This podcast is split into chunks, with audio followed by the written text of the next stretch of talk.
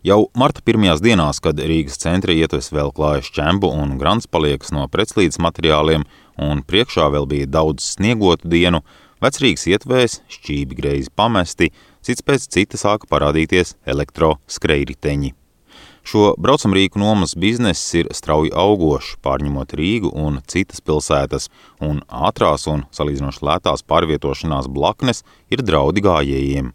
Gan no pārgalvības braucot, gan galmērķī pamestajiem riteņiem. Šobrīd mēs drīzumā tuvākajās dienās atvērsim atklāsim katru sezonu Rīgā. Paplašinamies un tuvākajā laikā atvērsim arī eh, filiālīti Viņā, Lietuvā.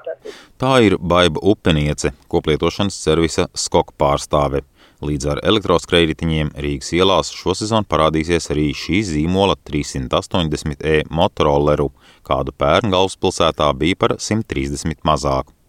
Elektrisko motoroleru pašapkalpošanās nomas servisa klienti gan nav tā neapdomīgākā braucēja daļa, jo pirms sēšanās uz šādiem rīkiem ir jāapgūst arī ceļu satiksmes noteikumi. Protams, dažādas situācijas, bet nu, katrs, kas nomā šo motoroleru, ir atbildīgs par savām sakām, kur viņš atstāja šo motoroleru, lai netraucē nevienam, lai netiktu traucēt gājēju plūsmu lai nebūtu aizšķērsotas, teiksim, veikliem ieejas durvis. Tā ir viss, protams, katrs braucēja kompetenci ietvaros arī jāskatās. Tur, protams, atgādinām mūsu lietotājiem pareizi šīs motoroleru novietošanas prasmes, iemaņas, kā labāk kur novietot, kur vajadzētu, kur nevajadzētu, bet nu, tā ir katra šī nomas klienta atbildība. Un uz šīm ierīcēm jau nedrīkst arī kāpt jebkurš gribētājs? Tur tomēr vajadzīgi Protams, ir. Nē, mūsu prasības, jā, vismaz 18 gadi, tad jābūt un attiecīgās kategorijas autovadītāja apliecībām B, AA1, A2, AM kategorijas. Noteikumiem ir jābūt zināmiem. Citādi ir ar elektroskrejritiņiem, ko likumdevējs tikai pirms mēneša beidzot ierakstīja likumā un kuru izmantošanas kārtību ar noteikumiem nu apstiprinājusi valdība. Tādu stūrēšanai nekādu apliecību nevajag. Uzlabotie noteikumi paredz, ka turpmāk skrejriteņu stūrmaņiem jāievēro tas pats, kas velosipēdistiem, stāsta satiksmes ministrijas autosatiksmes departamenta direktors Tāli Valdis Vectirāns. Un papildus ir nodaļa, papildus prasības elektrokrediteņu vadītājiem pa kurieni tiešām ir jābrauc un kad ir jāizmanto attiecīgi tā velo infrastruktūra. Var braukt arī pa ietvi, bet tad ir jādod priekšrocības visas gājējiem, nedrīkst traucēt gājējus, un, ja nepieciešams, piemēram, jābrauc ar ātrumu, kas nepiesniedz gājēju ātrumu. Tas ir aptuveni 6 km/h, kā parasti gājēji iet. Un tas būtiskākais, kas braukt nedrīkstēs pa vietu, ja uz šīs brauktuves atļautais ātrums ir vairāk kā 50 km/h. Papildus arī šiem elektroskrējējiem jābūt aprīkotiem ar gaismām, priekšā, aizmugurē, bremzēm. Un nedrīkstēs uh, braukt neturot stūri, turoties, protams, pie cita transporta līdzekļa, pārvadāt kravu, ja tā apdraud vadīšanu, un vest pasažieri arī nedrīkstēs. Tātad uz šāda braucamā rīka jāatrodas vienam cilvēkam, vienam uh, vadītājam, pat bērnu vešana nav paredzēta.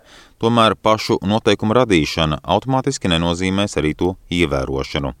Vecstrāns atsaucas uz dažu pilsētu praksi, ar ko ieviesti speciāli līdz 10 vai 15 km/h braukšanas ierobežojumi tādiem agregātiem, vai arī vispār liekts atstāt nomas transporta līdzekļus noteiktās vietās. Jo šie nomas transporta līdzekļi sev nes līdzi tādu blakni, ka cilvēks tik vairs nerūpē. Tā, tas ir tas uh, transporta līdzeklis, ir viņa personīgais, ja, tad viņš nekad uz ielas neatstās tādu, savukārt šo nomas atstāja un atstāja salīdzinoši bezrūpīgi, ja vien viņa un iznomātāja noteikumi to pieļauj. Rīga par stingrākas kārtības ieviešanu sāk domāt pērnosar, bet, kā norāda domas satiksmes departamentā, pēc atapšanās, ka elektroskrējiteņi nemaz nav valsts normatīvos, arī galvaspilsētā no bardzības atteicās.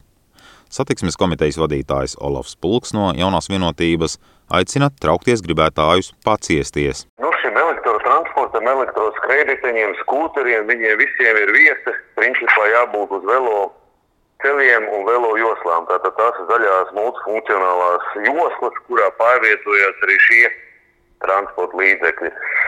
Problēma tāpēc arī ir vajadzīgi izveidot šo velo joslu tīklu Rīgā, lai varētu arī pa tām braukt. Jo citādi uz ietvēm tas ir bīstami gājējiem.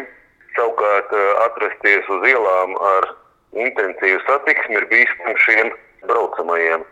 Velo infrastruktūras attīstība ir šī Rīgas domas sasaukuma prioritāte, taču ir visai skaidrs, ka tik drīz pie jēdzīga satiksmes plāna galvaspilsēta netiks. Un veloceliņi arī neatrisinās gājēju un skrējriteņu stūrmaņu saspīlētās attiecības. Edgars Kupčs, Latvijas radio.